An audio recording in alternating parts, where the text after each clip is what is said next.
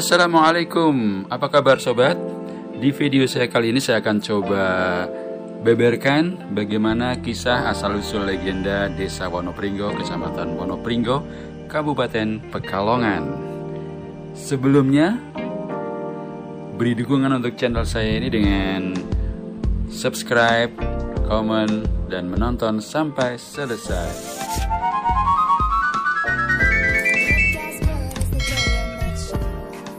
Sobat, Wonopringgo adalah salah satu desa dari 14 desa yang ada di Kecamatan Wonopringgo. Letak wilayah desa Wonopringgo adalah di sebelah timur berbatasan dengan desa Rowokembu, Kecamatan Wonopringgo. Sebelah barat berbatasan dengan desa Sokosari Karanganyar. Sebelah selatan berbatasan dengan Jeta, desa Jeta Kidul Wonopringgo dan sebelah utara berbatasan dengan Desa Gondang, Wonopringgo.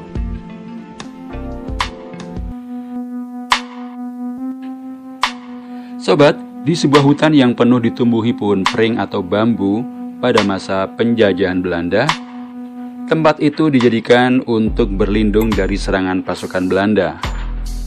Kita ketahui Belanda menjajah negeri kita selama 350 tahun, termasuk daerah hutan bambu juga tidak luput dari pasukan Belanda yang berusaha menguasai daerah tersebut. Untuk menguasai daerah itu, terjadilah peperangan antara pasukan Belanda dengan penduduk pribumi. Pada masa itu, pasukan Belanda dipimpin oleh seorang jenderal yang bernama Jenderal Baron Skedar yang mendapat perlawanan dari orang pribumi yang dipimpin oleh Kanjeng Syekh Subakir.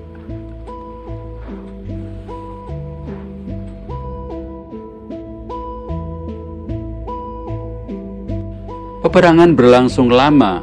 Setelah berulang kali terjadi perang, akhirnya pasukan Belanda dapat dikalahkan oleh pasukan pribumi yang dipimpin oleh Kanjeng Syekh Subakir. Dengan kalahnya pasukan Belanda oleh penduduk pribumi, maka pasukan Belanda menyingkir menuju ke selatan ke daerah Rogoselo. Berakhirnya peperangan Kanjeng Syekh Subakir beserta pengikutnya kemudian beristirahat di sebuah pohon pering atau pohon bambu yang sangat besar dan kuat. Pada saat istirahat itulah disebutlah nama Wonopringgo yang artinya hutan bambu. Sebutan untuk hutan tempat Kanjeng Syekh Subakir dan pengikutnya.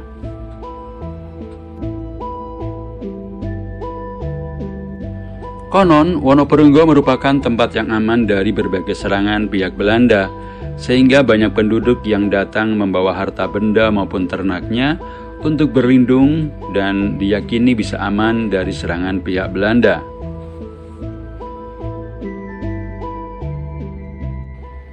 Keadaan alam waktu itu masih berupa hutan belantara dan banyak ditumbuhi pohon pring atau bambu, namun begitu belum ada sumber mata air.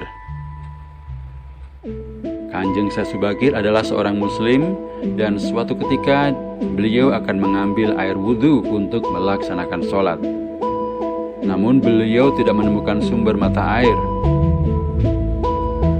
Nah, untuk melepaskan lelah setelah mencari mata air dan tidak ditemukan, Kanjeng Sasubagir beristirahat dan tanpa sengaja menancapkan tongkatnya yang dibawanya ke dalam tanah dan tanpa disengaja pula, ujung tombak yang menancap itu mengeluarkan air dan ketika tongkat dicabut, lalu Kanjeng Syekh Subagir mengambil air wudhu dan melaksanakan sholat. Mata air yang keluar terus-menerus mengalir dan mengalir menjadi sebuah bengawan dan bengawan tersebut bernama Bengawan Tunggul Nogo yang dibawa reksa oleh Tunggul Gunung.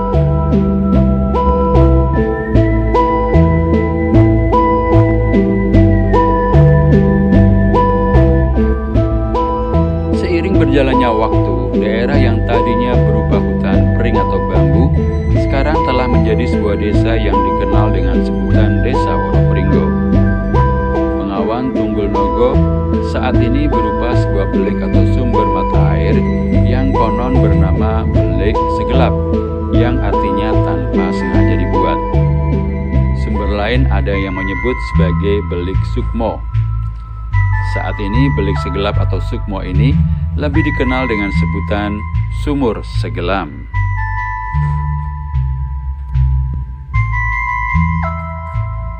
Sobat, sumur segelam ini merupakan salah satu cagar budaya yang ada di Desa Wonopringgo.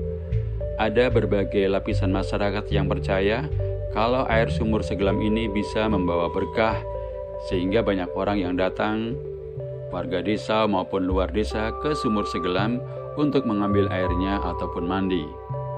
Kegiatan tersebut seringnya dilakukan pada malam dan hari Jumat Kliwon.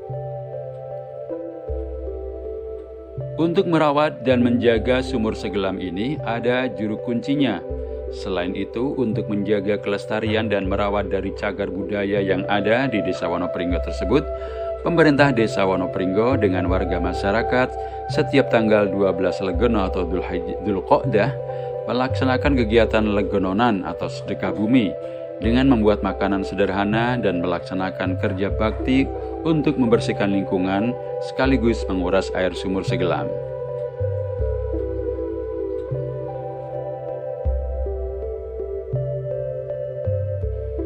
Di samping belik atau sumur segelam, di Desa Wonopringgo terdapat enam belik lainnya, yaitu belik sebabar atau sepuan, belik Jogobelo, belik Jolotundo, belik Simeri, belik Joyo Sekti, dan belik Joyo Kusumo. Belik yang satu lagi menurut satu sumber konon pernah ada namanya belik sinangka dan sekarang tidak diketahui keberadaannya. Menurut sumber yang sama mengatakan bila sumur sinangka ini muncul merupakan pertanda kalau desa Wonopringgo akan menjadi makmur. Demikian ringkasan cerita tentang asal-usul desa Wonopringgo dan cagar budaya Sumur Segelam yang kami dapatkan dari berbagai sumber baik dari sesepuh maupun penjaga cagar budaya di Desa Wonopringgo. Sekian video kali ini. Terima kasih sudah menonton. Sampai jumpa di video-video saya selanjutnya. Assalamualaikum.